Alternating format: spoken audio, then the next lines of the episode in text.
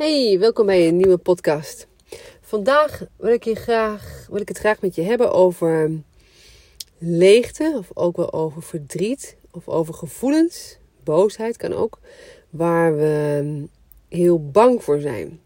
Waar we eigenlijk het liefst van weg willen, wat we niet willen voelen.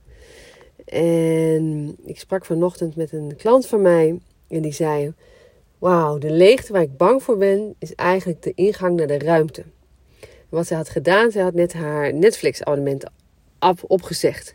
Want ze merkte bij zichzelf dat ze, nou, als ze een soort leegte voelde, dat ze dan gewoon in een nieuwe serie dook.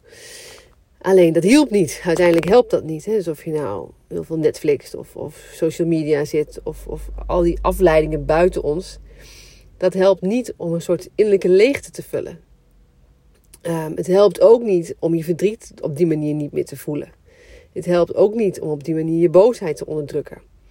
dus eigenlijk, um, ik zeg niet dat je, ja, dat je niet gewoon af en toe lekker een avondje kan chillen en, en kan ontspannen en iets kijken wat je boeit wat je mooi vindt. maar wat ik wel zeg is, in hoeverre zoek je de afleiding buiten jezelf in bijvoorbeeld Netflix, in series kijken, in social media gebruik, om eigenlijk weg te gaan bij jezelf veel mensen die de laatste tijd bij mij komen, die zeggen: Ik ben mezelf kwijt. Ik weet niet meer, ik weet niet meer waar, waar, waar die leuke ik is. Die, die creatief was, die, die zin had in nieuwe avonturen, die wist wat ze wilde. Ze is kwijt. En ik begrijp het heel goed, want ik denk ook dat de afgelopen jaren met, met de coronacrisis daarmee te maken hebben gehad. Dat we zo erg teruggeworpen zijn op onszelf. Um, en veel alleen zijn geweest en daarin toch ook dat moeilijk hebben gevonden en steeds meer die aandacht ook naar buiten zijn richten. Niet zozeer op andere mensen, maar wel op ons telefoon, op social media, op Netflix, op enzovoort enzovoort. Dus het interessante is, kun je dat ook anders doen? kun je die, die tijd en die, die ruimte die je misschien nog steeds meer hebt dan voorheen, kun je die ook gebruiken om jezelf te voeden, heel bewust. In plaats van ehm, dit op te laten vullen ehm, door dingen van buitenaf, die je in wezen eigenlijk niet zo heel veel brengen. Waar je niet echt heel veel per se gelukkiger van wordt over het algemeen. dus wat ik ook zeg daarmee is: durf je in die leegte te springen en te gaan voelen wat er te voelen valt.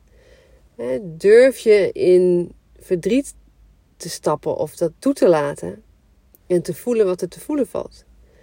Durf je boos te zijn en op die manier te ontdekken dat in die boosheid ook heel veel kracht zit? En dan bedoel ik niet zozeer boos zijn op de ander en de ander verrot schelden, maar meer durf je voor jezelf toe te geven dat je boos bent en dat die energie in je zit, dat het vast zit in je lijf. Durf je echt verbinding te maken met je lijf. Echt te luisteren naar je lijf en wat het je te vertellen heeft. want voor mijn gevoel zijn al die dingen die ik nu noem, zijn allemaal ingangen naar de plek waar je uiteindelijk wilt zijn. En wat we doen over het algemeen, is proberen daar zo hard mogelijk bij vandaan te rennen. En dus ik zeg het nog een keer. Al die dingen waar we niet willen zijn, leegte, verdriet, boosheid, teleurstelling, rouw, noem maar op, zijn eigenlijk allemaal ingangen naar de plek waar we juist wel willen zijn. En waar we wel willen zijn, daar bedoel ik mee ehm, dat we comfortabel zijn met onszelf. Dat we onszelf accepteren zoals we zijn. Dat we onze gevoelens uh, onderkennen. Dat we weer gaan voelen van waar worden we blij van, wat voedt ons. Dat onze creativiteit weer gaat stromen.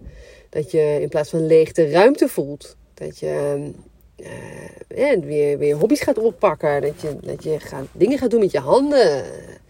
dat, je, dat je weer de rijkdom van het leven gaat voelen. En dat ruimte niet meer een enge leegte is, maar dat ruimte juist ontzettend vrij voelt. En dat je verbinding gaat maken met jezelf, ten diepste met jezelf, op een manier die je met je hoofd nooit kunt. Ik zie veel mensen die komen met een coachingsvraag en die voelen dat er iets aan de hand is. Dus die voelen wel dat er iets mag.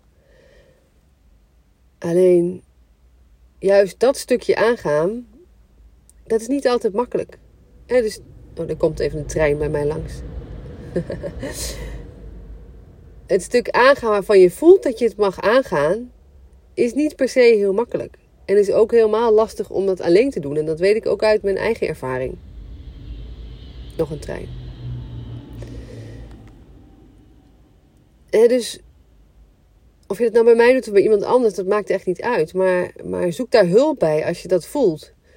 Als je voelt dat er stukken zijn van jezelf die je aan het vermijden bent. Als je voelt dat je je telefoon en je social media en je Netflix gebruikt om weg te gaan bij jezelf.